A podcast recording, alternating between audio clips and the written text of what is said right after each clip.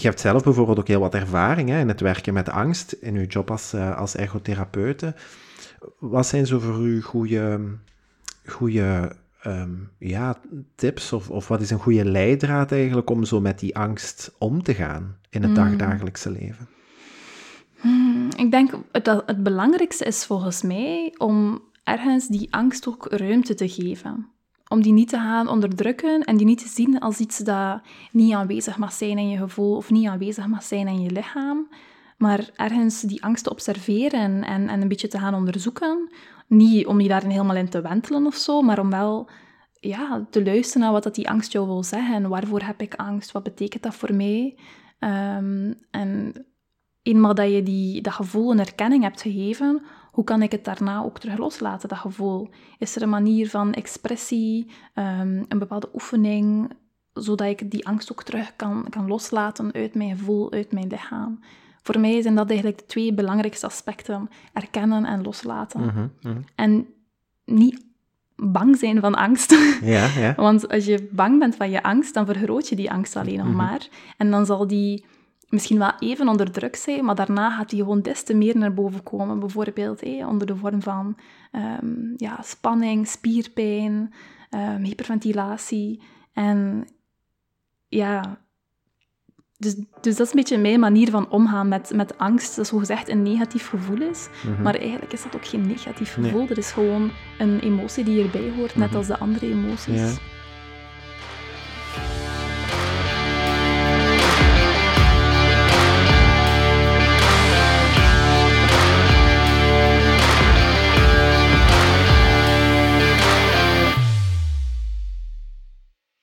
Aan de start van december zitten we aan aflevering 22. Ook vandaag gaat het nog altijd over mensen.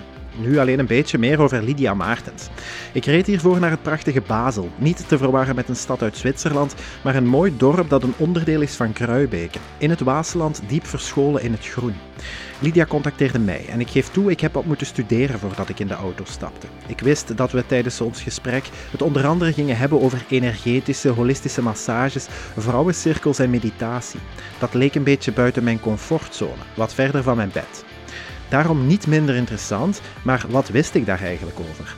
Dan besefte ik ook weer, ik ben ooit met deze podcast begonnen omdat ik wou leren van mensen waar ik dat in eerste instantie niet van zou verwachten. En ons gesprek werd exact dat. We hebben veel meer gemeen dan ik initieel dacht. Hoewel we met totaal andere dingen bezig zijn, valt het mij op, en niet alleen in dit specifieke gesprek, dat er veel dingen overeenkomen als mensen willen luisteren naar elkaar. We zijn allemaal bezig met onze uitdagingen in het leven en we leren allemaal onze eigen lessen. Samen met Lydia heb ik het bijvoorbeeld over omgaan met angst, over dat stemmetje in ons hoofd dat naar zelfdestructie kan leiden en hoe we dat aan de baas kunnen blijven. Maar ook hoe we echter en vanuit onze kern op volle kracht in ons leven kunnen staan. Genoeg onderwerpen om over te praten. Hoewel ze nog jong is, weet Lydia nu meer dan ooit waar ze naartoe wilt. Ze heeft richting gegeven aan een gevoel en heeft daar het beste uit kunnen halen. Als ik haar zie vertellen, merk ik op dat ze op het juiste spoor zit. Ik wens haar ook bijzonder veel verbinding toe. Iets dat ze nu met haar vrouwen- en meditatiecirkels probeert aan te wakkeren. Verbinding zoeken en vinden is geen vanzelfsprekendheid meer. En daarom is een initiatief zoals dit ook wel een voorbeeld voor anderen. Ik ben er zeker van dat dit niet altijd in diezelfde vorm tot uiting moet komen. Feit is wel dat we daar niet heel nonchalant over moeten doen. Het is een basisbehoefte om ergens aansluiting te vinden bij anderen. Ik wens iedereen trouwens veel meer verbinding toe, maar misschien is dat gewoon omdat ik kerstmis dichterbij voel komen. Ga heen en verbind u. Dat is een gegarandeerde remedie voor heel wat oncomfortabele gevoelens. Laat mij alvast een voorzet geven met deze bondgenoot en verbinder. Hier is Lydia Maartens.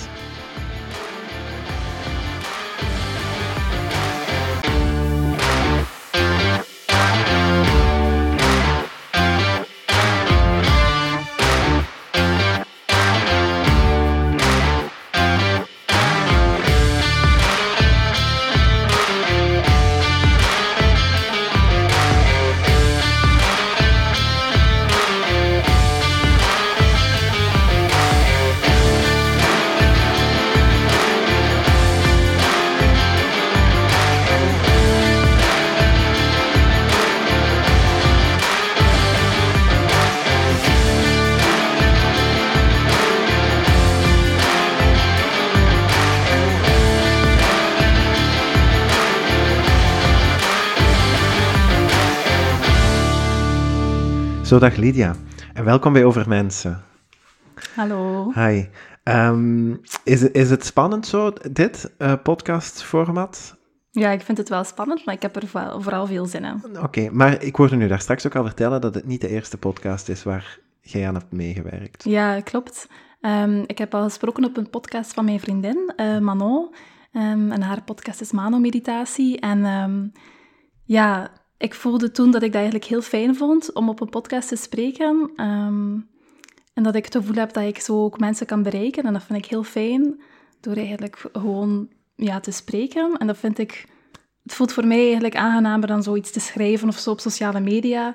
Om gewoon zo in een gesprek te kunnen ja, verbinden vind ik eigenlijk fijner. Ja, klopt, klopt. Dat is ook de belangrijkste reden, denk ik, waarom dat ik naar podcasts luister. Omdat het zo toch een andere dimensie geeft dan, uh, dan al ja, lezen of schrijven, wat, wat ik ook heel graag doe. Hè. Maar um, ik, ik voel ook altijd zo, hoe meer opnames dat ik dicht bij elkaar heb, hoe, hoe liever ik het doe omdat dat, dat is voor mij zo het belangrijkste punt altijd, zo de, de verbinding tussen mensen. Mm. We, gaan eerst even naar de ontmoeting, uh, Lydia, want je hebt mij gecontacteerd. Uh, ja, klopt. Waarvoor dank trouwens. We hebben al een eerste gesprek gedaan hè, via Zoom om elkaar al, al eens te leren kennen. Um, ik heb dan ook toegegeven um, dat de dingen waarmee dat je bezig bent, ik vind het heel knap en ik wil, er ook, ik wil er ook alles over leren. Dat is de reden waarom ik hier vandaag ben. Um, maar, en dat is misschien enkel alleen omdat ik een man ben, ligt het een beetje verder van mij weg. Hmm. maar misschien moet ik u gewoon eens laten samenvatten. hoe zou jij bijvoorbeeld uw, uw job of uw bezigheid vandaag omschrijven? Hmm, ja, dus ik ben volledig zelfstandig en ik doe eigenlijk vooral wat ik graag doe. En ik merk dat dat ook wel wat evolueert met de tijd. En momenteel geef ik eigenlijk um, massages. Um, een holistische vorm van uh, masseren, energetische massages, maar ook ontspanningsmassages. Um, waar ik ja, probeer de mensen die komen, mannen en vrouwen, in hun ja, volledig plaatje te zien en hun te benaderen vanuit ja, een holistisch, holistische visie en dan hun echt te helpen met hun problemen. En um, ja, zo. Dus, dus dat, dat doe ik eigenlijk het meeste momenteel. En dan mhm. daarbij komt het aspectje van, uh, van cirkels geven. En die cirkels, dat is eigenlijk het samenkomen van een groep mensen in een cirkel, dat we samen in een cirkel zitten, dus dat er niet iemand aan de top van de tafel zit of zo, waarin dat iedereen gelijkwaardig is en waarin ook heel veel ruimte is om te delen. En dus dat zijn meditatiecirkels, maar ook vrouwencirkels. Um, en in de toekomst ga ik ook ceremonies en cirkels uh, geven, zo met rituelen en zo. Dus ja. Oké, ja. ja. Um, um, heel eventjes over zo het uh, massagedeel van het verhaal. ik hoor u dat een, een holistische aanpak noemen. K kunt je dat zo iets concreter uitleggen, wat je daar precies mee bedoelt? Ja, ik heb ja, ik heb een, een zekere achtergrond. Ik ben ergotherapeut van opleiding. Ik heb ook uh, nog een jaar en een half verpleegkunde gedaan in mijn verleden. En de massageopleiding die ik heb gedaan is, was ook redelijk lang, twee jaar. En daarin voelde ik van, oké, massage is niet gewoon een lichaam dat je op een zekere manier masseert en dat voor iedereen hetzelfde is. Mhm. Want um, ja, iedereen heeft een ander lichaam. En soms zit een lichaam vast of zijn er blokkades. Maar dat is ook altijd vaak voor een andere reden. En, um, dus ik probeer echt elk lichaam en elke persoon die komt bij mij voor een massage op een unieke manier te benaderen. Um, dus holistisch betekent dan het, het totale plaatje van um, zowel het fysieke lichaam als het energetische lichaam. En ook ja, mogelijk mentale of emotionele dingen die gaande zijn. Mm ja, want ja, soms komt iemand voor een... Uh, Bijvoorbeeld iemand met een burn-out komt soms voor een massage bij mij en die mensen ga ik helemaal anders benaderen dan iemand die komt van ah, ik wil eigenlijk gewoon uh, even helemaal goed ontspannen, um, het is even druk geweest en um, ja, dat zijn twee totaal andere mhm. situaties, dus die hebben ook niet dezelfde massage nodig. Nee, nee, nee, oké, oké. Ehm, ik, ik, dat is iets dat ik de laatste tijd veel vaker hoor terugkomen, zo het, het, uh, het energetische niveau. Um, er bestaat nooit toeval in de wereld, maar dat komt zo um, recent wel wat vaker op mijn pad precies.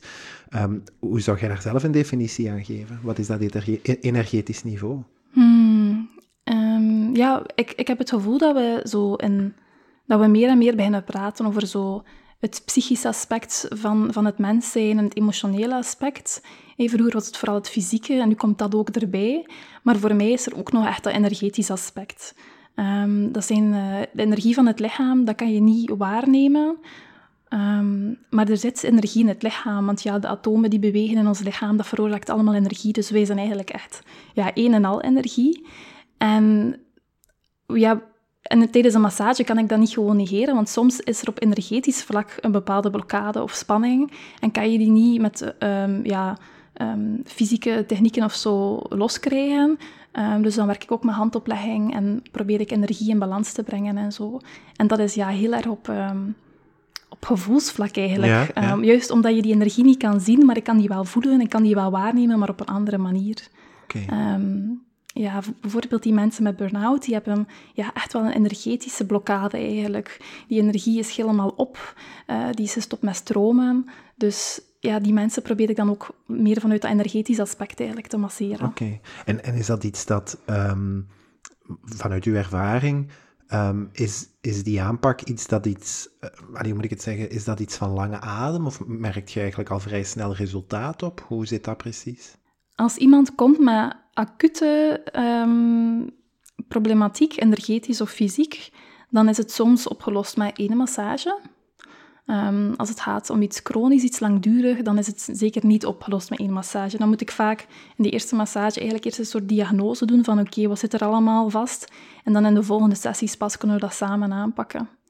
En het is ook heel belangrijk dat de persoon die komt ook wel zelf echt open staat voor van oké, ik, ik wil ook zelf Ehm, het pad van helen bewandelen. Ik kom niet zomaar voor een massage. Ik wil eigenlijk wel echt ja, beter worden en mij beter voelen in mijn vel en in mijn lichaam. En, en ik zet mij daarvoor open. Ja. En ik merk het meteen als mensen eigenlijk niet overtuigd zijn dat ze zelf kunnen helen of zich niet daarvoor openzetten, ja, dan, dan helpt de massage ook veel minder. Ja, ja klopt. Ja. ja. Ik denk dat dat op heel veel eh, zeker, zeker als, we, als we zo kijken naar zo'n energetische niveau, dat dat voor veel dingen geldt. Hè. Um, dat zo de, ja, noem dat de, de wil daarvoor of de, de motivatie daarvoor vaak, mm. wel, vaak wel bepalend is.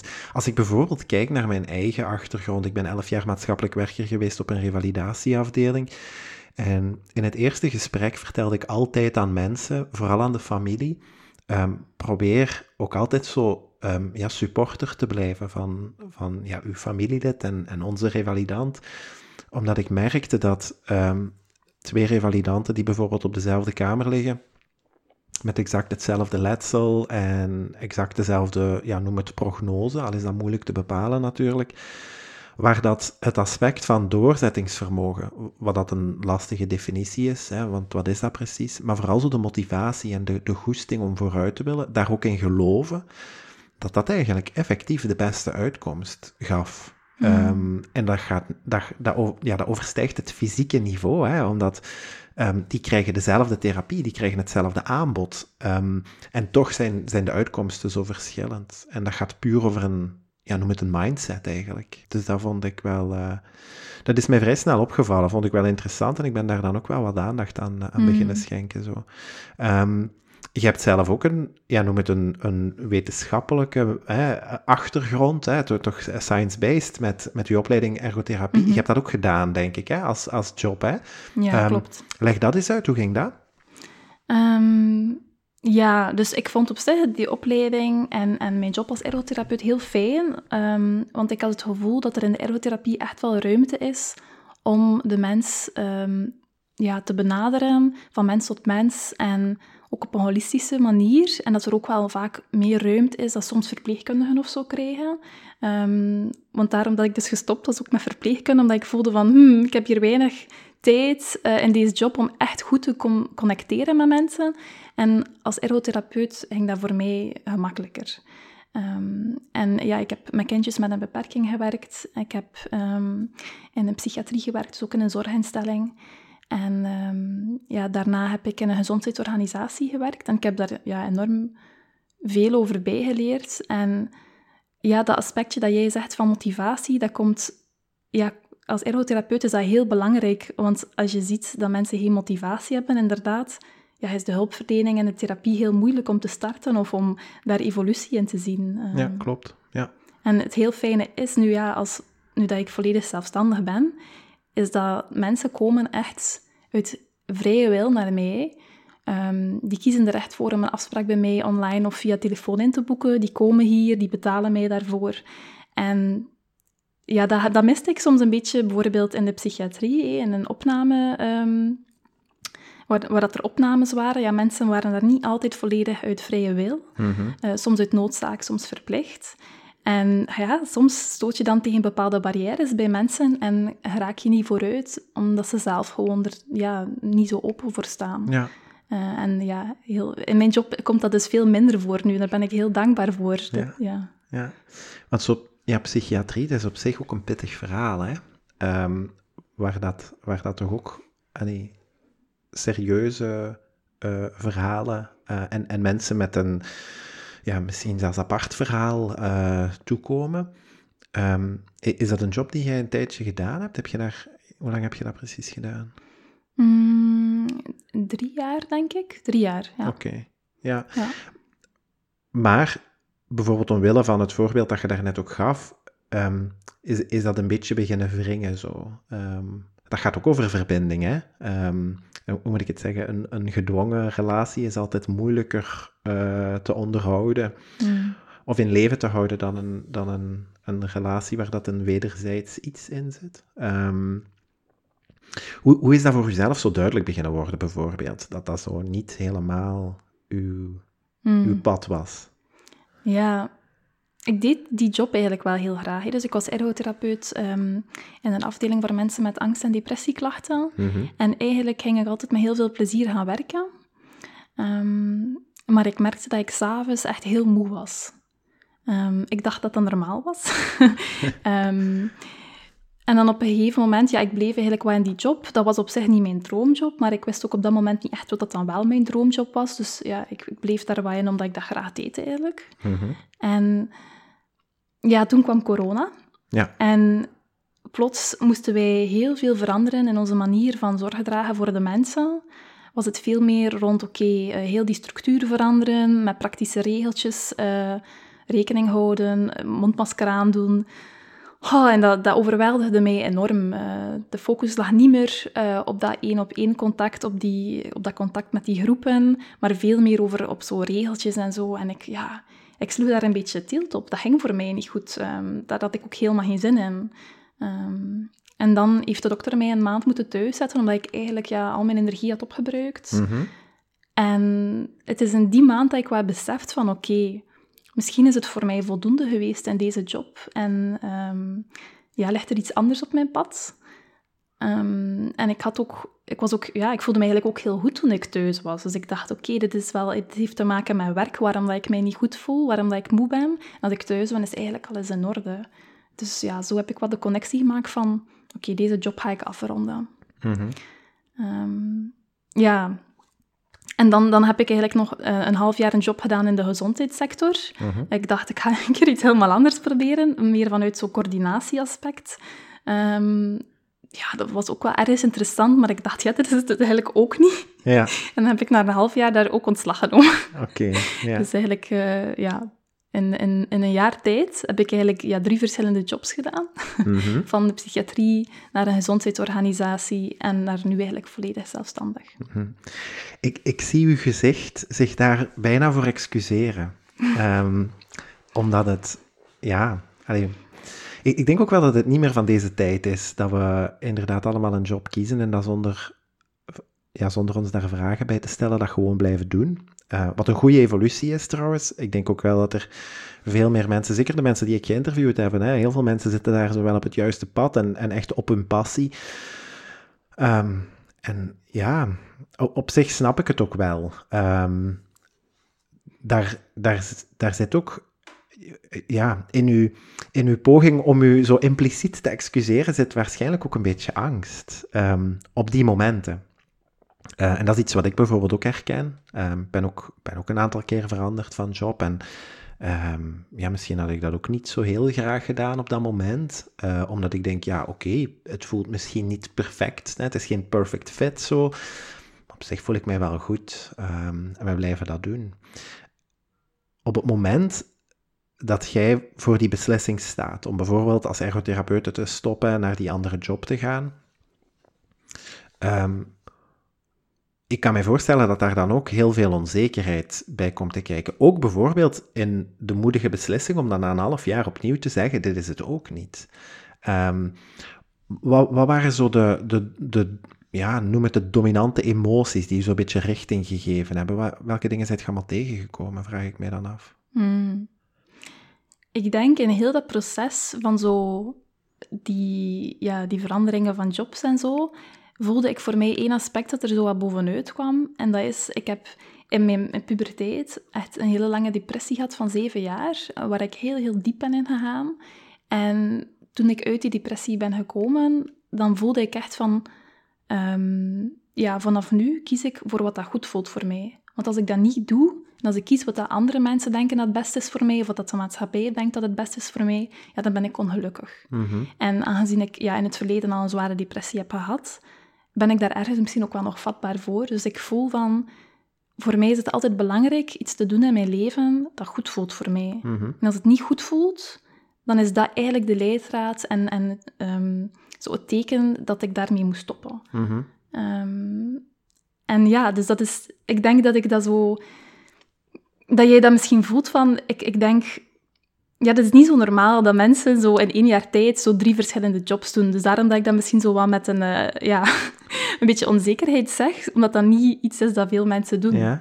En ehm, dat mensen ook misschien niet normaal vinden. Ja. Want als je een goed betaalde job hebt en je doet die job ergens graag, waarom blijf je die dan niet doen? Mhm. Ehm, ja, maar ik luister dus altijd naar dat gevoel en ergens is dat niet, niet slecht, denk ik. Nee, absoluut Want niet. het heeft me nu ge- gebracht naar iets waar ik me wel heel goed bij voel en waarvan ik ook niet wist dat het eigenlijk nog op mijn pad lag. Mhm. Dus eigenlijk door naar mezelf te luisteren, ben ik hier terechtgekomen. Dus ik ben daar eigenlijk heel dankbaar voor. Mhm. En ehm, ja, ik, ik vertel dat altijd een beetje voorzichtig, omdat ik merk dat dat voor veel mensen soms een trigger kan zijn. Mhm. Ehm, in mijn omgeving, eh, ik neem mijn gevoel altijd voor. Mensen vinden dat soms een beetje egocentrisch of een beetje egoïstisch zelf. Of zeggen van, ja, hoe doe je dat? Ik kan dat niet. Ja, dus eh, dat is daar, vanuit dat aspect van een klein beetje onzekerheid daar rond, denk ik dat ik dat zo Mhm. zeg. Ik denk ook wel dat er... Er is ook iets over te zeggen... Allee, neem bijvoorbeeld de groep de mensen als begrip. Ehm, daar, daar zijn evenveel meningen als dat er mensen zijn. Ik denk... Wat ik u hoor vertellen is eigenlijk... Ik heb de switch gemaakt tussen... Allee, of van verantwoording afleggen ten opzichte van andere mensen naar verantwoording afleggen ten opzichte van mezelf. Wat dat een perfect positieve en goede evolutie is, die ik ook iedereen toewens. Ehm, ja, het ding is, en dat merk ik bijvoorbeeld in mijn eigen leven ook, op de momenten dat ik probeer te bewaken of probeer op te komen waar ik voor sta en wat ik wil, krijgt dat heel snel de stempel van egoïsme. Ehm, maar dat is eigenlijk, eh, vind ik, een, een beetje een misvatting ook, omdat heel veel mensen weten dan op dat moment, Lydia kiest bijvoorbeeld voor zichzelf, daardoor kiest ze niet voor iemand anders. Maar dat is een verkeerde verbinding. Ehm, want ik denk ook, dat is het cliché dat in de zorg ook leeft, hè, bijvoorbeeld. Het is onmogelijk om te zorgen voor iemand anders als je niet zorgt voor jezelf. En dat is de basis van alles. Ik denk ook dat er heel veel mensen zijn die in de zorg werken, die dat, die dat supergoed doen. Ik heb ook heel veel... Ik heb, ik heb die job zelf heel graag gedaan. Ik heb heel veel respect ook voor mensen die dat nog altijd elke dag doen. Maar als ik daar in mijn omgeving keek, zag ik ook dat er mensen eigenlijk altijd zo net iets te ver in het rood gingen. Ehm, en dan wordt dat natuurlijk een, een probleem en dan wordt het zelfs iets chronisch. Ehm, dus op zich vind ik het een, mooie en moedige evolutie ook, hè, die je zelf doorgemaakt hebt. Ehm, op het moment dat, dat die switch eraan kwam, dat geeft angst, dat geeft onzekerheid. En ik denk dat we dat allemaal doen. Niemand staat daarboven van, ja, toch te luisteren naar wat er in je omgeving daarover verteld wordt. Ehm, en dan heb je nog zo het, het beruchte stemmetje in je hoofd. Ehm, ik heb daar bijvoorbeeld heel veel last van. Ehm, misschien moet ik u dat ook gewoon eens vragen. Zo. Ik heb heel vaak last van wat ze noemen het imposter syndrome. Eh, zeker als je voor jezelf iets probeert te creëren. Zo het idee, dit is allemaal wel eens gebeurd, of waarom, waarom ik wel, en Mhm. waarom ben ik beter als iemand anders. Vertel eens wat die stem allemaal aan u vertelt. Hmm. Ja, zeker als zelfstandige is die wel aanwezig. Ehm, maar ja, ik doe wel echt mijn best om daar niet, niet op basis van die stem eigenlijk beslissingen of keuzes te maken. Want ik voel dat elke persoon ehm, is hier op aarde met een uniek, unieke energie, uh, unieke talenten, um, unieke persoonlijkheid. En ik voel dat, dat iedereen wel iets te bieden heeft. En iedereen heeft een bepaalde zielsmissie in dit leven. En ik heb dat ook het is niet omdat er hier andere mensen, bijvoorbeeld hier in Basel of Kruijbeke, ook masseren, dat ik daarom niet kan masseren. Nee, want mhm. ik masseer op mijn eigen manier. Ehm, en ik trek de klanten aan die, die nodig hebben wat dat ik te bieden heb. En andere massagetherapeuten trekken dan weer andere klanten aan, omdat zij ook een andere manier hebben van mensen te benaderen. En dus ja, die, dat imposterstemmetje, ik probeer er echt niet naar te luisteren. Uh, ook al is dat een constante oefening, omdat ik voel dat je dan geen juiste beslissingen maakt in het mhm. leven. Ik, ik wil ook geen beslissingen maken of, of keuzes maken vanuit, vanuit angst, maar altijd vanuit liefde. En dat is voor mij ja, een blijvende oefening. Mhm. Ehm, dus altijd vanuit vertrouwen, vanuit liefde, vanuit een goed gevoel. Uh, dus ik probeer altijd daar naartoe terug te gaan. Ja, ja, ja. ik denk ook een hele goede reflex, denk ik. Hè? Um, in, in het, want we hebben voor vandaag hebben wij samen al eens een gesprek gehad en dan hadden we het bijvoorbeeld ook zo over angst en, en hoe bepalend dat zoiets kan zijn. Angstgevoel is denk ik ook dat iets is dat bij iedereen hoort. Um, en we moeten dat ook een beetje erkennen, maar misschien nog belangrijker ook herkennen dat die er zijn. En zo het onderscheid maken eigenlijk. Hè? Mm. Um, wat eigenlijk een, um, een reactie is uit angst, of ja, noem het dan bijvoorbeeld een reactie vanuit, uh, vanuit liefde. Um, je hebt zelf bijvoorbeeld ook heel wat ervaring hè, in het werken met angst, in uw job als, uh, als ergotherapeute. Wat zijn zo voor u goede, goede um, ja, tips of, of wat is een goede leidraad eigenlijk om zo met die angst om te gaan in het hmm. dagdagelijkse leven? Hmm, ik denk dat het belangrijkste is volgens mij om ergens die angst ook ruimte te geven om die niet te gaan onderdrukken en die niet te zien als iets dat niet aanwezig mag zijn in je gevoel of niet aanwezig mag zijn in je lichaam, maar ergens die angst te observeren en, en een beetje te gaan onderzoeken. Niet om je daarin helemaal in te wentelen of zo, maar om wel ja, te luisteren naar wat dat die angst jou wil zeggen. Waarvoor heb ik angst? Wat betekent dat voor mij? Um, en eenmaal dat je die, dat gevoel een erkenning hebt gegeven, hoe kan ik het daarna ook terug loslaten, dat gevoel? Is er een manier van expressie, um, een bepaalde oefening, zodat ik die angst ook terug kan, kan loslaten uit mijn gevoel, uit mijn lichaam? Voor mij zijn dat eigenlijk de twee belangrijkste aspecten: erkennen en loslaten. Mhm, mhm. En niet bang zijn van angst. Ja, ja. Want als je bang bent van je angst, dan vergroot je die angst alleen nog mhm. maar. En dan zal die misschien wel even onder druk zijn, maar daarna gaat die gewoon des te meer naar boven komen. Bijvoorbeeld onder de vorm van um, ja, spanning, spierpijn, um, hyperventilatie. En ja, dus, dus dat is een beetje mijn manier van omgaan met, met angst. Dat zogezegd een negatief gevoel is. Mhm. Maar eigenlijk is dat ook geen negatief gevoel. Nee. Er is gewoon een emotie die erbij hoort, net mhm. als de andere emoties. Ja. ja, ik denk ook wel dat het... het um in een zekere zin is het echt terug te brengen tot de basis. Ik bedoel dan als een soort van biologische reactie, een soort van waardemeter die iets aangeeft dat er iets niet juist zit. Ehm, door het leven gaan zonder angst is, is, is een utopie. Um, dus die gaat er altijd zijn. En ik probeer mezelf bijvoorbeeld ook altijd voor te houden dat um, angst is er en dat wil mij iets duidelijk maken, dus ik probeer dat dan ook te verkennen. bij mij kan dat dan bijvoorbeeld zo oprechte boosheid bijvoorbeeld. Um, begint als angst, evolueert zo naar boosheid en dan weet ik niet goed waarop ik moet boos zijn. Um, maar daar dan dichterbij gaan blijven staan. Bij mij is bijvoorbeeld, eh, boosheid heeft heel vaak um, zijn oorsprong in teleurstelling. Uh, of dat dan nu in mezelf is of in andere mensen, dat maakt dan geen verschil. Maar omdat teleurstelling al een veel concretere definitie is dan boosheid, wat zo'n een soort van clusterbegrip uh, of emotie is, um, kan ik daar ook veel vaker iets mee doen. Uh, helpt mij gerichter kijken naar wat er eigenlijk op dat moment aan, aan de hand is in mijn leven. En um, ik probeer dan ook mijn angst, ah nee, te erkennen dat die er is en daarmee bezig te zijn, maar er geen kompas van te maken, dat het mij geen richting geeft. Zo. Ehm, exact. Het is er en ik moet daarmee omgaan. En, ehm, maar ik weet ook dat het, uh, dat het tijdelijk is. Mijn angst is een emotie, ik ben angst niet, bijvoorbeeld. Mm -hmm. vind ik ook wel een, een belangrijk, uh, belangrijk onderscheid. Zo. als we Um, dan zo kijken, hè, want je, je bent ondertussen bezig met je, met uw massa. Wat, wat, liep dat trouwens al op het moment dat jij stopte? Je hebt zo korte tijd een job gedaan, een half jaar. Waart jij toen al bezig met masseren? Of was dat iets... Allee, eerst uit het vorige en in het nieuwe? Of liep het wat door elkaar? Mm. Ja, ik denk dat het misschien ergens een beetje meant to be was, dat ik volledig zelfstandig ging worden. Want ik ben eigenlijk um, een jaar en een half geleden, toen ik nog werkte in mijn job uh, in de psychiatrie als ergotherapeut, um, ben ik toen al zelfstandig in bijberoep geworden. Uh mhm. -huh. Eigenlijk net voor corona. Ja. dus um, dat, dat, kwam er wel zo wel wat incijpelen. En juist omdat ik dat bijberoep zo fijn vond, heb ik dan uiteindelijk ook nu de beslissing genomen dit jaar om volledig zelfstandig te worden, omdat dat mij eigenlijk mij gelukkig maakte. Dat gaf mij een goed gevoel, mijn eigen ding kunnen doen, Um, ja, dus ik was al aan het masseren als zelfstandig in bijberoep.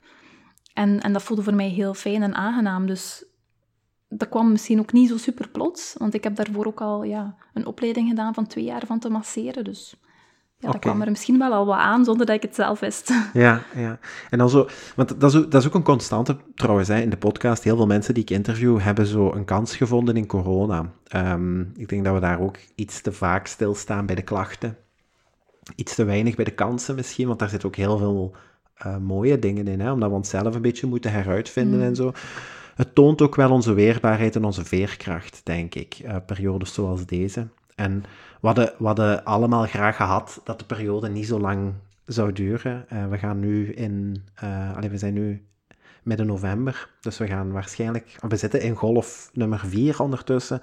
Um, maar zo, ja, het aspect op, op de momenten dat je jezelf moet gaan heruitvinden, um, dat dan doen. Uh, daar, daar, zit ook, daar zit ook heel veel, heel veel kracht en heel veel moed in, bijvoorbeeld. Um, naast, het, naast het masseren dan, Lydia, dat is een verhaal dat nu al anderhalf jaar in uw leven is, hoor ik u zeggen zo. Mm. Hè? Toch um, eerst als bijberoep en dan als, als volledige dagtaak. Hè. Um, vind ik het ook wel interessant, en daar, daar heb, dat heb je daar straks ook al aangehaald, um, het verhaal van de cirkels. Um, na onze Zoom-meeting trouwens, een paar weken geleden, um, het, het, verbaast me nog altijd dat dat, mij, dat dat mij tijdens het gesprek niet was opgevallen, um, maar waar ik werk bijvoorbeeld, zijn ze ook een beetje afgestapt van de hiërarchische structuur. En teams zijn daar ook cirkels geworden. Mm. Dus daar zijn geen managers meer. dat heeft zijn, dat heeft zijn uh, kansen en zijn uitdagingen, absoluut. Um, en ik denk, want het is een, het is een groot bedrijf, um, dat is geen transitie die zomaar overnacht gebeurt. Um, ik denk dat ze daar nu ongeveer al een, uh, een jaar of anderhalf jaar ook mee bezig zijn met heel dat cirkelgegeven. En dat heeft wat groeipijnen, maar op zich vind ik het wel heel moedig en zie ik um, het potentieel daar ook absoluut wel in. Mm -hmm. uh, het nodigt mensen uit om ze in hun eigen kracht te zetten. Het nodigt mensen uit om ook te delen wat zij belangrijk vinden. En ook vooral wat zij nodig hebben om hun job goed te doen. Daar zit een gelijkenis in mm -hmm. uh, met, het, met het werk waar jij mee bezig bent met die cirkels. Um, maar probeer mij eens zo, um, en het mag absoluut gedetailleerd zijn. zo, ja, wat, wat, is bijvoorbeeld het doelpubliek van die cirkels en met welke dingen zijn jullie dan bezig? Mm. Ja, waar, waar kan ik daarmee beginnen? Ik denk, als ik zo voel wat jij zegt, dan wil ik zo een stukje geschiedenis daarover vertellen. Um, ik ben zelf heel erg geïnteresseerd in zo onze voorouders, um, in, in de geschiedenis van Europa, van België, um, van onze Keltische voorouders. En ook nog way back, dan merk je eigenlijk dat mensen eigenlijk vroeger veel meer samenkwamen in cirkel. Dat begon vroeger rond het vuur, eh, toen we echt nog nomadische stammen waren. Um, de, het vuur was eigenlijk ja, een plek om samen te komen. Iedereen zat in een cirkel rond het vuur, mannen, vrouwen, kinderen. En dat was eigenlijk een manier om al te gaan verbinden, omdat je eigenlijk samenkomt in cirkel. Uh, er werd gebabbeld, er werd samen eten gemaakt. Um, en, en die cirkel, die, die heeft ons wel wat blijven volgen in de geschiedenis, maar we zijn dat ook ergens een beetje verloren. Um, we, we doen heel veel dingen alleen, heel veel dingen met twee soms. Ehm, of niet in cirkel, maar zo wat, ja... Zo, dat aspect van samenkomen in cirkel, ergens zijn we dat een beetje kwijtgeraakt. Mhm. Terwijl dat we eigenlijk als mens dat echt nodig hebben. Dat, dat samenkomen inderdaad op een, op een gelijkwaardige manier, om tijd te nemen, om dicht bij elkaar te zijn. Ehm, ja, dat aspect wil ik meer terugzien. En, en daar voel ik ook heel veel verbinding mee. Mhm. En daarom dat ik eigenlijk alle groepssessies die ik geef, eigenlijk cirkels noem. Ja. Omdat ik vind dat dat een absolute voorwaarde is, dat we in een groepsessie samenkomen in cirkel. Mhm. Dus als ik bijvoorbeeld mijn meditatiegroepen geef, dan vind ik het belangrijk dat we in cirkel zitten. Dat, we niet, dat ik niet van voor zit en daarna allemaal rijtjes met mensen. Ja. Ehm, waar dat iedereen gelijkwaardig is en iedereen ook ruimte heeft om, om ja, misschien iets bij te brengen aan de cirkel, om iets te kunnen delen, om aanwezig te kunnen zijn. En ja... Jij vroeg mij het, het doelpubliek, hè? Mhm. Ja, dat was jouw vraag. Ehm, ik voel dat de mensen die naar de cirkels komen, zelf ook op zoek zijn naar dat aspectje waar ik op zoek naartoe was. En dat is dat verbindingsaspectje. Mensen zijn terug op zoek naar verbinding en voelen, oké, in een cirkel, dat trekt mij ook wel wat aan. Zo samenkomen in groep en als een, op een gelijkwaardige manier. Ehm, er is altijd het aspect van delen bij mij in de cirkels. Ruimte, dat is niet gewoon ik die vertel en ik die zeg doe dit of dat. Nee, iedereen neemt deel, inclusief mezelf. Mhm. En dus ik- ja, mensen die op zoek zijn naar meer verbinding en die ook wel wat bewuster bezig zijn met het leven. Ehm, hoe kan ik, ja, om, die cirkel kan mensen eh, ehm, een, een ruimte bieden om ook een keer bewuster stil te staan bij hun leven, bij hun gevoel, bij hun lichaam, bij ja, verschillende aspecten in hun leven. En door te delen in cirkel leer je heel veel van elkaar. Mhm. Dus ook mensen die wat op zoek zijn misschien naar een andere manier van leven. Mhm. En ja, dat zijn mannen, vrouwen ehm, van verschillende leeftijden. Want ehm, ja, ik heb er begin de 20 jaar, ik heb er rond de 60 jaar. Dus ehm, ja, en dus eigenlijk, ja, iedereen is op zich wel heel erg welkom in de cirkels. Ja. Zolang dat je een beetje open-minded bent en zin hebt om te verbinden, ja, Ja. dat is eigenlijk het publiek. Ja, Eh, zo het eh, aspect van het delen, eh, Lydia, is dat iets dat, ehm, dat zo gemakkelijk spontaan op gang komt? Of ik ben mijzelf nu aan het inbeelden dat ik daar deel aan neem. Ehm, ik weet niet of ik daar zo gemakkelijk in mee ben. Mhm. Ehm, wat zijn zo de, de uitnodigende factoren dan? Mhm. Ik denk wat dat heel uitnodigend is, is dat je niet moet delen. Oké. Dus ik zeg het in het begin, er is altijd heel veel ruimte om te delen en je mag ook je ruimte nemen. We gaan je niet onderbreken, maar als jij geen zin hebt om iets te delen, dan hoeft dat ook niet. Zo kan iedereen ook op zijn of haar manier deelnemen aan de cirkel. En hoeft dat ook niet ehm, iets pushy te zijn of zo. Ja. En meestal overloop ik dat gewoon in, in cirkel in wijzer zin, omdat dat een een heel vloeiende richting is. En dan geef ik iedereen op dat moment de ruimte om gewoon te delen. Bijvoorbeeld na een meditatie die we samen hebben gedaan. Mhm. En je krijgt altijd of vaak een praatsteen of een praatstok die je vast Ja. mag nemen. En dan op dat moment ja, mag niemand je onderbreken. Oké, ja. Dus je krijgt alle ruimte die je nodig hebt. En soms, als je die ruimte krijgt, dan voel je dat je wel dingen wilt delen. Mhm. Gewoon omdat niemand je onderbreekt, eh, omdat je alle ruimte hebt om gewoon na een stilte gewoon ook nog iets te vertellen. Mhm. En ik, er zijn niet veel mensen die eigenlijk niks willen delen in een cirkel. Ik voel juist dat mensen echt nood hebben om, om veel te delen. Ehm, ja, dus goh, ik, ik, ik weet eigenlijk niet hoe dat ik mensen uitnodig om te delen, want ergens voel ik dat ik eigenlijk daar geen moeite voor moet doen. Oké, ja. Ja. Ja, Wat, een, een positieve vaststelling is, denk ik. Hè? Ehm, om, omdat ik zelf dingen altijd een beetje als student probeer te benaderen. Zo. Ehm, en ik heb het u al horen zeggen, ik ben gewoon een onderdeel van de cirkel, dus ik sta daar niet naast of boven, of eh, ja, welke richting dat je ook wilt bekijken.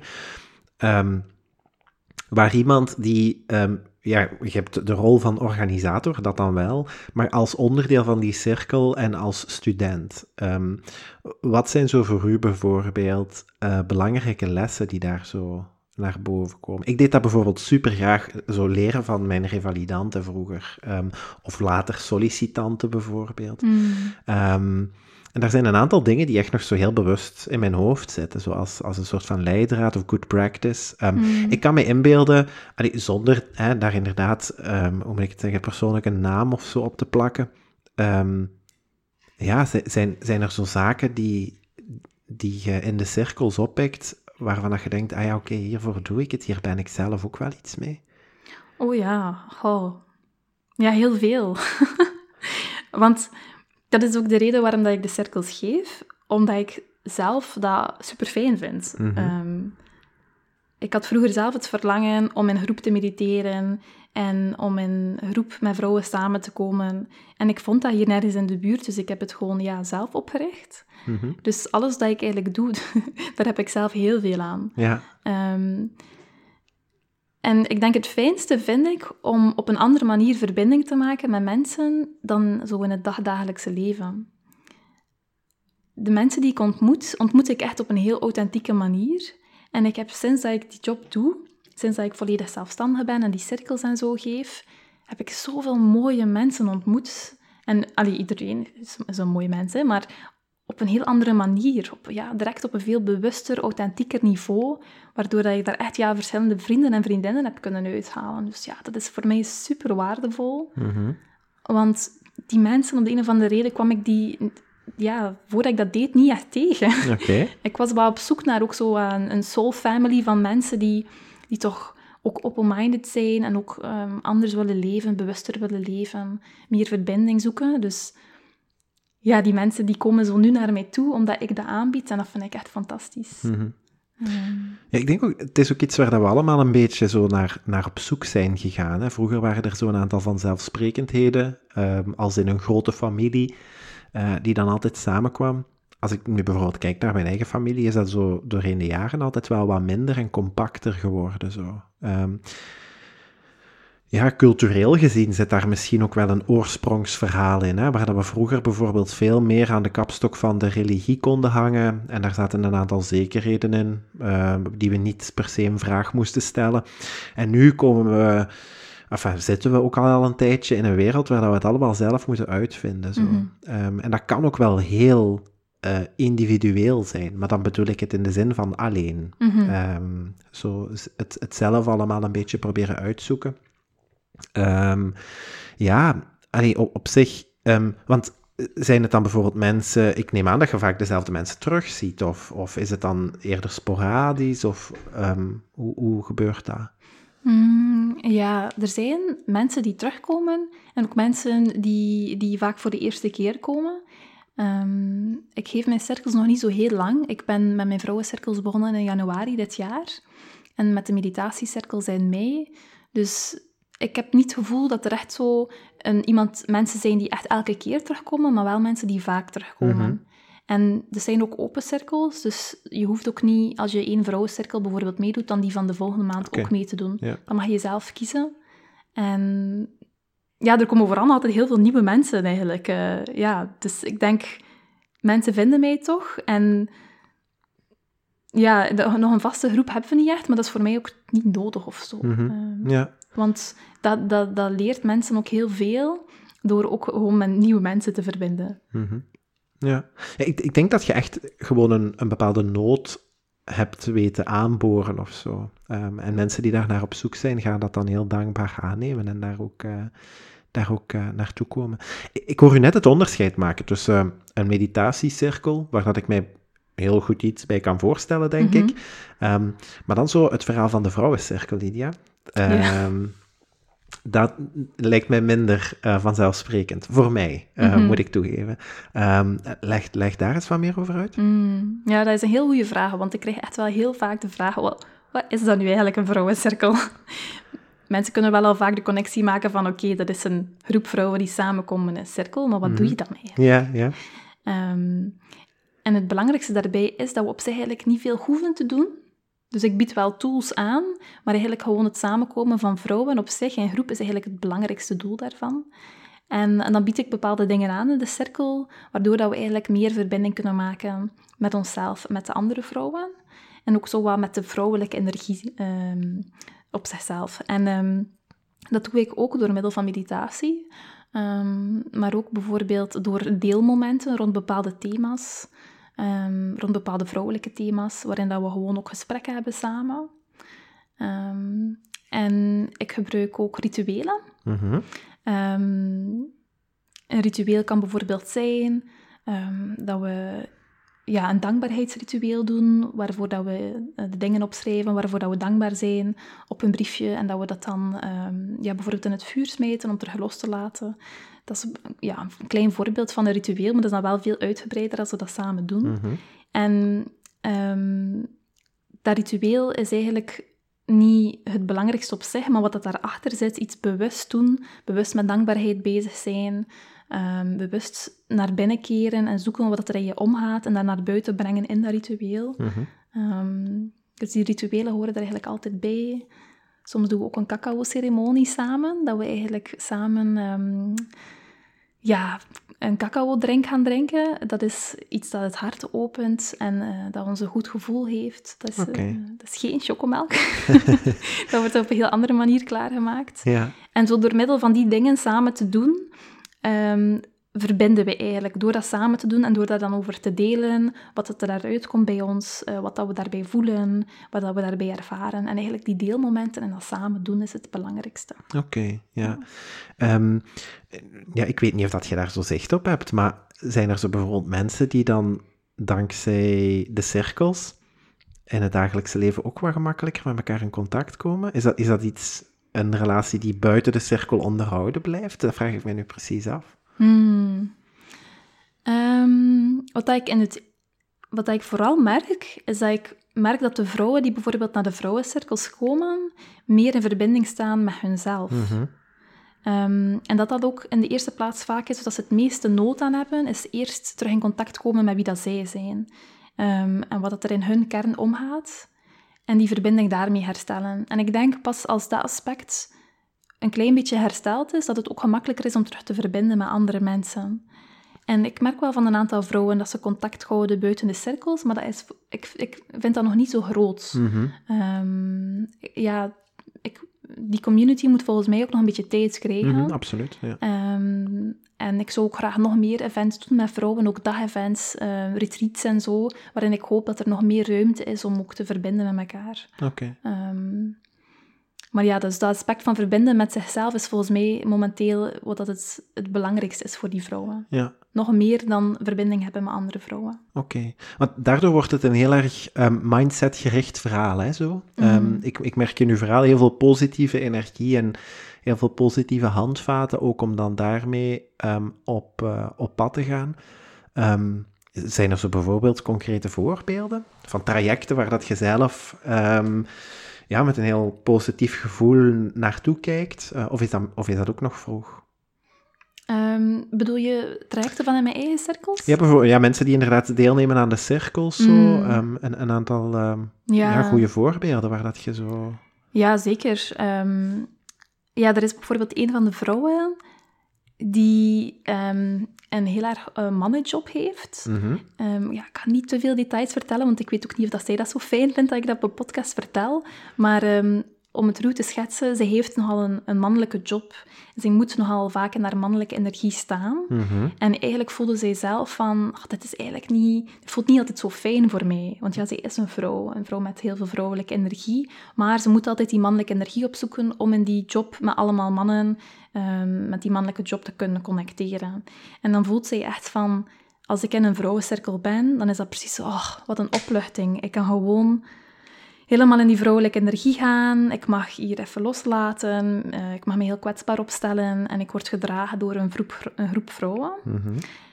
En dan maakt zij ook altijd de connectie van wat dat ze leert in de vrouwencirkel naar haar job bijvoorbeeld. En naar haar manier van hoe dat zij bijvoorbeeld anders kan gaan staan in haar job. Mm -hmm. um, misschien is het wel oké okay dat zij in haar vrouwelijke energie in die mannenjob staat. En ja, dat was bijvoorbeeld iets dat ik heel mooi vond om te zien. Omdat vrouwen kunnen terugkeren naar die puur vrouwelijke energie. Omdat vrouwen nogal, ja, in onze westerse maatschappij een beetje gepusht wordt in zo'n nogal een mannelijke energie. Mhm, ja, ja. Wat dat is van, ja, een, heel doelgericht zijn, veel structuur, ehm, ja, veel werken ook als vrouw. En nogal, ja, dat hoeft ook niet altijd als vrouw. We kunnen ook gewoon vrouw zijn in ons job. En daar is op zich ook wel ruimte voor en ook heel veel nood aan. Ja. Ehm, dus dat is een van de dingen dat ik inspirerend vond. En dan heb ik ook nog een andere verhaal dat ik ook heel inspirerend vind. Is een vrouw die ehm, een mama is. En zij voelt dat het nogal heel druk is voor haar in haar gezin. En dat zij haarzelf vaak op de laatste plaats zet. En dat er eigenlijk voor haar heel weinig ruimte is in het gezin. En zo heel die tendensen daar rond, van is dat nu ikzelf die mijzelf op de achtergrond plaatst? Of is dat door mijn situatie in mijn gezin? En dan in de cirkels Ehm, komt er daar dan ook vaak ja, wel wat verdriet ook rond. Uh, verdriet en, en opluchting ook van ik kan dat hier een keer delen, wat er gaande is in mijn leven. En um, ja, een cirkel is dan wel tijd hebben echt voor jezelf. Uh, op dat moment hoef je geen rekening te houden met je gezin, met iemand anders. Je bent er echt puur voor jezelf en je beantwoordt daarin je eigen noden. Mm En dat is denk ik heel belangrijk voor vrouwen dat ze die tijd nemen om echt met hunzelf verbinding te maken en te voelen van oké, waar heb ik nood aan? Ik heb nood om dit voor mezelf te doen. Mhm. Ehm, en ja, als de vrouwen delen dat dan ook in groep en dat inspireert elkaar dan. Zo van, ah ja, dat is eigenlijk wel waar. Bij mij is dat ook zo in mijn job. En, of dat is ook zo in mijn gezin. En, en, en, en hoe dat zij dan elkaar kunnen inspireren, dat vind ik prachtig. Ja, ja, ja. Ja, ja allee, dat is ook het, uh, het principe dat... Uh van de cirkel en dat het werkt. Hè? Ehm, dat iedereen inderdaad vanuit zijn eigen ervaring deelt. En de mensen die daar dan voor openstaan, nemen daar lessen uit, uit mee en, en leren daar dan uit. Ehm, er is zo, als ik u hoor vertellen over zo. Um, ja, bijvoorbeeld een, een vrouw in een, in een mannenjob en, en heeft dan daar het gevoel Ehm, dat, het, ehm, dat ze een bepaalde richting moet volgen of dat ze zich op een bepaalde manier moet gedragen of uiten, volg ik wel. Alleen is dat nu zoiets waar, waar dat ik zelf bijvoorbeeld ook wel, um, ja, laat het mij zeggen, mee aan het experimenteren ben, maar gewoon zo meer, meer mijzelf proberen zijn altijd. en ik heb echt het gevoel dat ik, hoe ouder dat ik word, dat ik zo meer en meer tevreden begin te worden met de persoon die ik ben. Mm. Maar daar zit daar zijn twee aspecten aan die het moeilijk maken. En dat is één opnieuw die stem die iedereen heeft uh, en die mij dan vertelt. Ja, misschien is dat dan meer met een, met een um, ja, noem het zo die mannelijke energie, hè? Mm. Uh, dat dat dan zo, dat ik me op een bepaalde manier zou moeten gedragen bijvoorbeeld. Mm. Maar dat is iets dat dan niet bij mij past. Um, anderzijds ook, ja, dan zit ik ook zo met, met de omgeving en wat mensen daarvan vinden. En iedereen heeft dan een, een mening daarover en dat ik, dat ik dit toch best niet doe, of dat ik dat gewoon niet moet doen, mm-hmm. uh, op, een, op een eerder dwingende, dwingende manier. In die zin is er dan over, ja, hoe moet ik het zeggen, over vrouwelijke energie is evenveel te zeggen dan over mannelijke energie in die zin, toch? Mm-hmm. En ik denk dat authentiek zijn niet per se iets mannelijk of vrouwelijk is. Authentiek zijn is gewoon terug uh, connectie maken met de kern binnen in onszelf. En dat is zowel belangrijk voor mannelijke energie als voor vrouwelijke energie. Dus ook voor mannen en voor vrouwen. Mm -hmm. um, ja, ik denk dat dat, dat dat voor iedereen belangrijk is. Ja, zeker. En zeker. het probleem is, is dat wij mensen hebben overal een mening over. En dat is ook op zich oké, want anders ja, zou het misschien wel saai zijn, moest iedereen dezelfde mening hebben. Um, maar het is dan ook aan ons om te zeggen van, ja, misschien is dat ook niet zo, niet zo... Moet ik mij niet aanpassen aan de mening van iemand anders? Mm -hmm. Mensen mogen meningen over, ergens over hebben, dat is prima. En ik heb misschien een andere mening ergens over. En dan bij je eigen gevoel en eigen gedacht blijven is heel belangrijk. Voor, voor iedereen, denk ik. En ja, in, in mijn cirkels probeer ik ook zo wat aan te geven bij mensen van, misschien is het ook niet belangrijk om altijd een mening ergens over te hebben en ook die mening altijd te moeten delen met mensen. Mm -hmm. En in de cirkels zeg ik ook, als iemand iets deelt, dan hoef je daar geen mening over te hebben. En mag je daar zeker ook geen advies over geven. Want de wijsheid zit binnen in de persoon zelf. En als je die persoon de ruimte geeft om dat te kunnen delen, beseft de persoon meestal zelf wat er nodig is of wat hij of zij wilt. En daar heeft die persoon jouw mening niet voor nodig. Mm -hmm. Dus in de cirkels gaan we dat heel anders aanpakken. En ik probeer dat aspect te stimuleren en ook daar echt duidelijk afspraken rond te maken in een cirkel, zodat ik hoop dat mensen dat misschien ook in hun eigen dagelijks leven wat meenemen. Mhm. Om gewoon inderdaad, zoals dat jij ook doet, gewoon te luisteren naar mensen en te zien hoe dat zij hun eigen keuzes en wijsheid kunnen ontdekken en daar niet altijd een mening of advies over eh, te Mhm. hebben. Ik- het het is zo bijna een, ehm, een instinctieve reactie. Hè? Dat is iets dat ik heel vaak zie gebeuren. Zo het, eh, het ongevraagd advies. Ehm, maar ja, naar mijn gevoel ontbreekt het dan regelmatig aan, ehm, ja, noem het empathie bijvoorbeeld. Omdat Mm. Ehm, zo on, ik heb het dan echt specifiek over zo ongevraagd advies, die absoluut goed bedoeld kan zijn, hè? Mhm, mhm. Ehm, maar dat dan ook niet per se is. Maar dat is ja, mijn idee als de juiste weg zien en dan hopen dat iemand anders dat dan ook maar eens doet om, om te kijken of dat het voor die persoon ook niet werkt. Mhm. Ik bedoel, dat is absoluut goed bedoeld, hè? Mhm.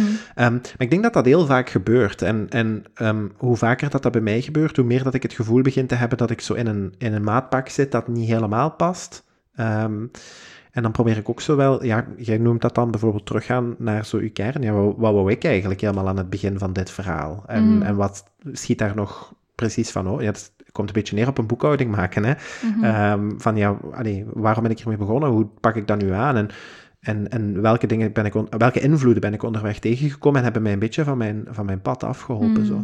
Ehm, ja, zijn er zo'n aantal dingen bijvoorbeeld, ehm, want op zich vind ik dat je dat supergoed faciliteert hè, ook. Ik vind dat een heel interessante insteek, dat het advies zit in de mens zelf. Maar we moeten het heel vaak doen met advies van andere mensen, waardoor dat het in volume groter is. Ehm, wat, wat zijn zo, als je dan bijvoorbeeld naar je eigen leven kijkt, hè, ehm, waar dat bijvoorbeeld ook invloeden van andere mensen eh, perfect allee, Mhm. op, u, op u inbeuken, hè, eh, zoals, dat, zoals dat bij mij en bij iedereen kan gebeuren. Wat zijn zo goede leidraden om daar, om daar op een goede manier, om jezelf niet te verliezen eigenlijk in het verhaal van iemand anders? Dat bedoel ik precies. Mhm. Hmm.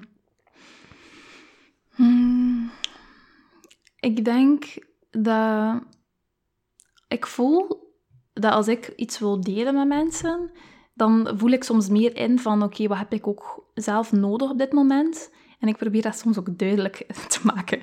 Omdat ik weet dat als ik bijvoorbeeld een bepaalde zwakte of een bepaald probleem in mijn leven deel met mensen, dat mensen automatisch eigenlijk vanuit liefde, vanuit willen helpen, oplossingen gaan aanbieden. Ze willen jou helpen, dus ze gaan allerlei eh, dingen dat zij denken van oh, dat zou die persoon misschien kunnen helpen, direct gaan aanbieden.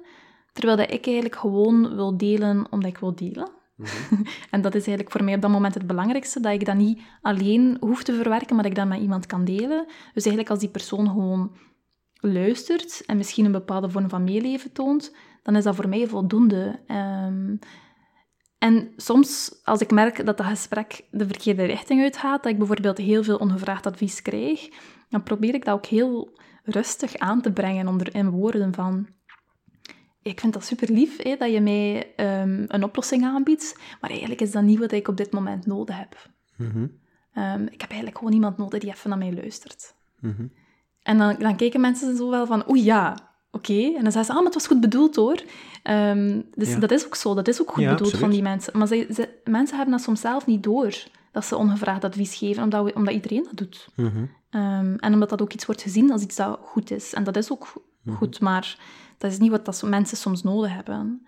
Ehm, dus ik denk als je dat duidelijk aangeeft in een gesprek van... Kijk, ik wil eigenlijk gewoon een luisterend oor hebben. Ik wil eigenlijk gewoon iemand die even de ruimte voor mij houdt.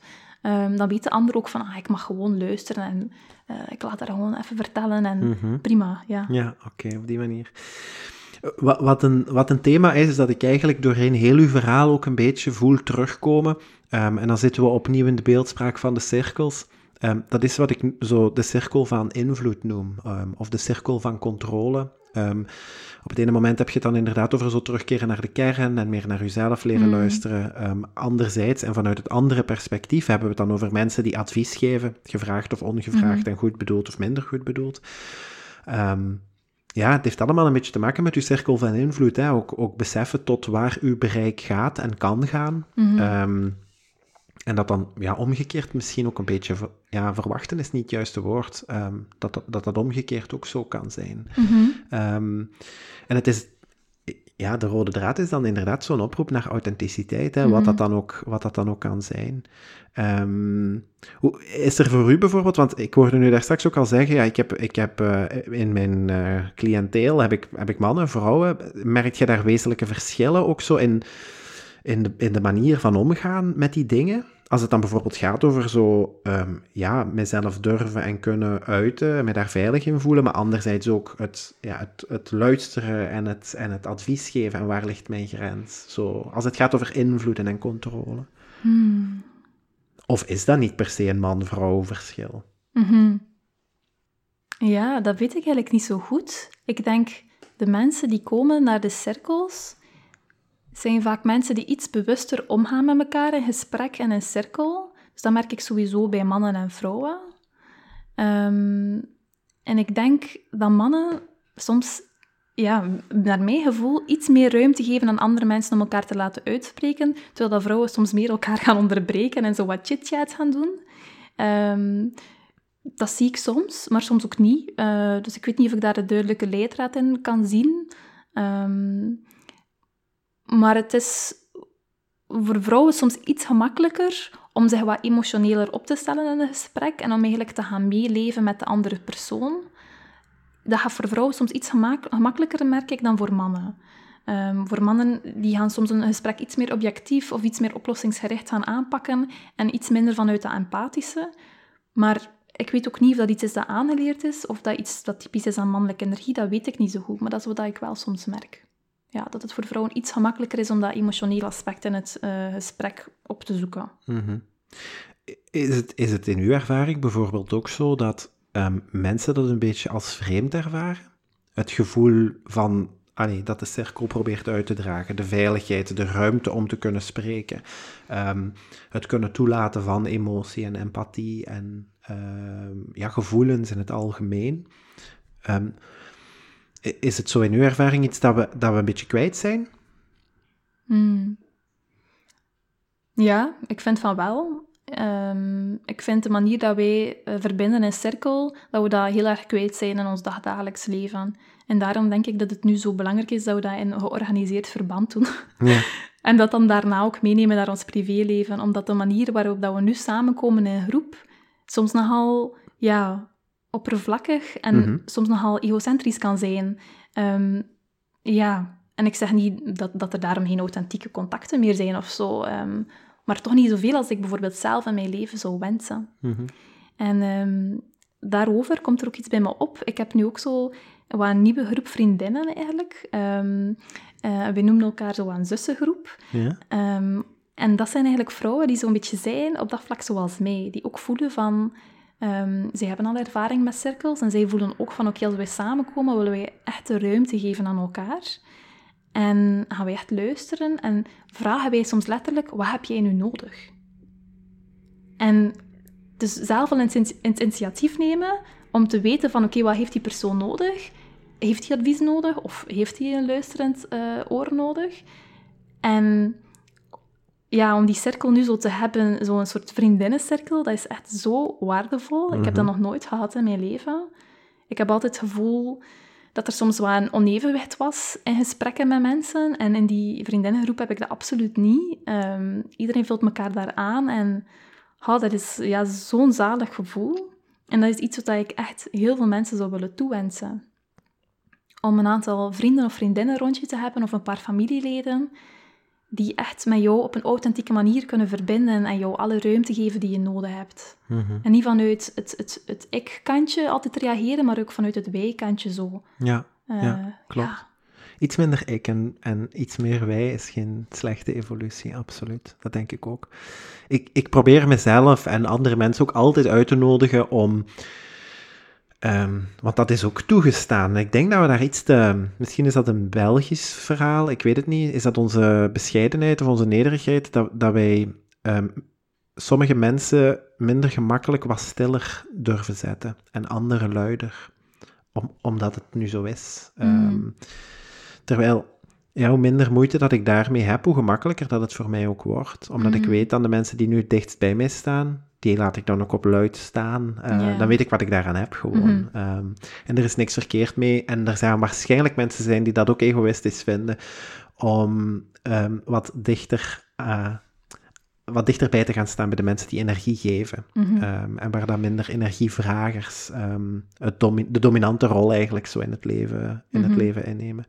Omdat je daar zelf ook beter van wordt. En daar is niks mis mee. Nee, en dat is ook heel sterk als je dat, daarin je eigen grenzen aanvoelt en kan trekken. Mhm. En de mensen die energie geven ook aantrekt in jouw leven en zorgt dat dat allemaal wat in balans zit. Mhm. Dat is heel sterk en daar kunnen heel veel mensen dingen uit leren. Mhm. ja. En ik, ik denk, wat, wat ook een misvatting is bijvoorbeeld, is dat soms denken mensen dat een energiegever, dat op het moment dat die energie aan het geven is aan u, ehm, dat jij dat dan vraagt van hem. Dus dat jij een nemer zijt omgekeerd. Maar dat hoeft niet altijd zo per se te zijn. Dat is ook een Nee. misvatting, vind ik. Je kunt allebei winnen, zo. Mhm. Ehm, en dat vind ik ook wel... ehm, ik- enfin, ik zie dat dan zo bijna visueel gebeuren. Mhm. en dat vind ik ook wel een, een leuke dynamiek. Ehm, waar, dat iedereen, waar dat iedereen beter van wordt op het, eh, op het eind van de dag.